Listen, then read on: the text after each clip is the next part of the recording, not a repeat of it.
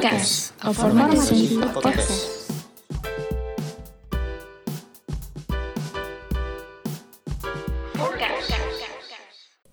Yo, welcome back Forecast listeners. I am Dea and I'm the host today. This episode is really special. Why? Because it will remind you that you are not alone.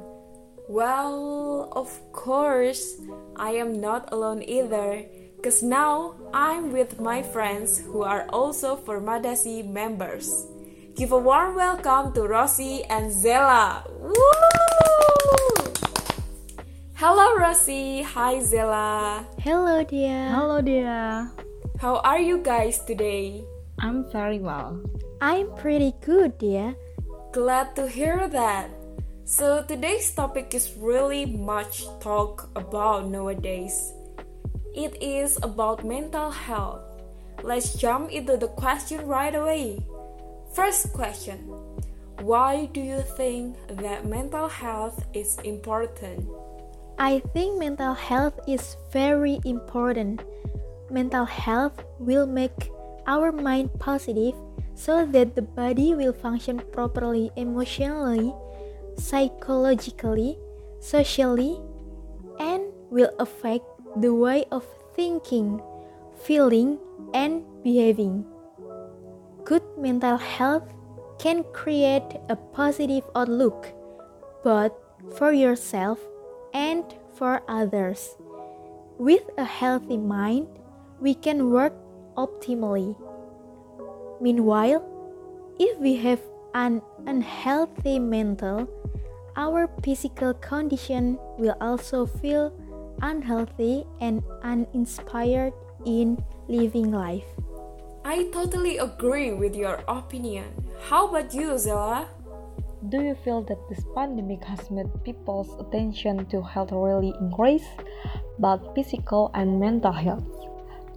For example, with attention to physical health, people become more diligent in exercising, while on mental health, some are concerned about the feelings or emotions experienced.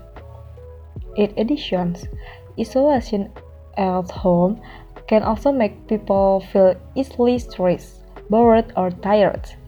Not, not only because of the pandemic, but the time have, have also progressed. Thus, information about mental health is more easily disseminated, which result in the opening of people's view on mental health. Okay, let's move to the second question. How to realize that someone has a mental health problem? As far as I know, people who have problem with mental health will seem less enthusiastic about life in addition, they are also usually too protracted in sadness and easily discouraged and don't want to rise from adversity. I thought so. There are several characteristics of someone who has mental health problems, such as feeling sad for a long time, um, sometimes for no apparent reason, or indifference to environment, feeling very tired, lacking energy, and having trouble sleeping. Alright, so those are some of the characteristics of people who have mental health problems. But I think some of you people that have mental health problem can look happy and cheerful on the outside, but actually they're really tired and sad deep inside. They just don't want to let anybody knows that they are facing a hard time. Let's jump to the next questions. Just TMI for our listeners that all of us are Indonesian. So, in your opinion, are Indonesian people aware of mental health issues, Rosie and Zella? What do you think? I think maybe many educated Indonesian people are already aware about mental health. I also often come across uh, tweets on Twitter that discuss this mental health issue. But I also think that there are still many people who are not aware about this mental health problem. For example, in schools, there are still many cases of bullying against students, and there are even fatalities.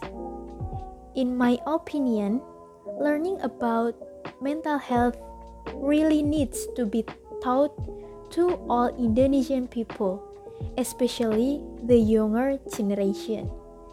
If they are aware about uh, the importance of mental health, they will not engage in bullying behavior, where this behavior affects the mental health of others. Yes, that's totally right. Bullying is one of the actions that can cause a person's mental disorder. How about you, Zella? What do you think? I think that's true because when someone is bullied, a person feels insecure about self, so that bullying causes mental illness. Next question. Oh my god, this is really an interesting question. How to deal with stress and how to stay productive when there are many tasks from school. In my opinion, sometimes the task is also stressful, right? Yes, we do know exactly that they give us a lot of tasks. And it is really natural to feel stressed about it. Sometimes we feel very tired with assignments from school, but the most appropriate thing we can do, in my opinion, is do the work so that we don't keep thinking about it. Then, what do you do when you are tired of the task? If I'm really tired, I usually take a break and then get back to the work. And sometimes when I have free time, I usually heal by watching YouTube. Oh, interesting. What do you usually watch on YouTube? Actually, I'm a K-pop fan and I often see their performance on YouTube. I also often see the vlogs of their daily life which they share on YouTube. I think they always show joy and fun in their vlogs. It is said that when we see a cheerful and joyful show, we will be carried away by the atmosphere. And it works for me. Um, besides YouTube, I also open Twitter when I'm stressed, and I think Twitter is the best way to relieve my stress. I know, right? Do you also play Twitter, Zella? Yeah. Hey, let's go, Twitter Stan. oh, okay, okay, okay. Let's back again. Do you do another things? And how do you still productive with the tasks from school? Mm, I also do other things that I like, such as hanging out with my friends, uh, painting because my hobby is painting, and maybe eating some foods. You know, foods can make our mood better. And in addition, so that my agenda is neatly organized, I usually make a to do list every day. Nice! How about you, Zella? How do you deal with stress? I think from the point of view of parents when they see their children are stressed out with schoolwork. The main role of parents is to make their children happy by helping them with their achievement and even chatting with them when they are having a hard time. That's why the child does not feel excessive stress. I also agree with you, Zella. Okay, guys, do you know things called insecure? I bet you all know it. Have you ever felt it? Because I do. I am insecure about many things, especially when it comes to my hobby. So, I really want to know the answers of the next questions. How to overcome insecurity in yourself? Actually, everyone must have felt insecure, yes, but back again to each individual. If it was me, I feel like this. All humans were created with their own strength, and each person must also have weakness. So, all we need is to love ourselves. Love what we have. If today we are not satisfied with ourselves, we have to look again at the process of life that we have gone through so that we can still stand today. And we will be more grateful for what we have got so far. I think the way to overcome this is by talking to the closer people such as parents, relatives, or friends. Maybe it can lighten the burden on our minds.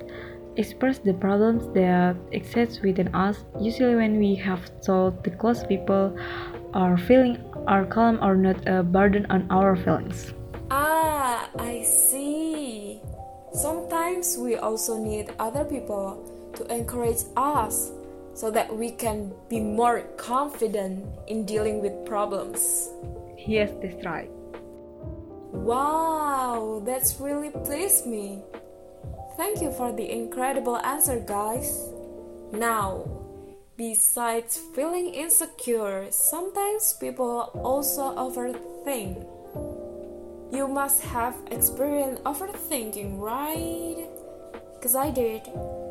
In your opinion, what are some tips to deal with the overthinking? Actually, I'm an introvert person, so I often feel overthinking. And that's very annoying for me. Maybe what I can do to deal with overthinking is not to think about it too deeply. Let it pass and be a lesson. Even though it is difficult, I try my best not to think about it too deeply. Then, usually over time, I start to make peace with myself. How about you, Zella? I think to overcome overthinking at ourselves is writing. It will help us a lot to lighten the load of the mind because the benefit of writing helps us to thinking about what step we will take and who knows we can find a solution for the situation. Great! Those tips are really good, guys. Thank you. Okay, guys, can I believe we have come to the last questions? So, last but not least, I want to both of you mention three things that you like about yourself. Okay, start from Rosie. Mm, a bit difficult, I think. What I like about myself, maybe the first, uh, simple. It doesn't make me complicated, and then good listener I really like when my friends tell me stories about whatever it is, and according to my friends, they are also comfortable talking to me, and maybe I'm a pretty neat person, yes, maybe because I'm a perfectionist, but I think it has a bit of a positive impact. That is, I became a neat person. How about you, Zella? My friends know me as the type of person who is chatty, humorous, and good listener. Because when my friends tell me something, whatever is said or happy story, I can cheer you up and give some helpful advice.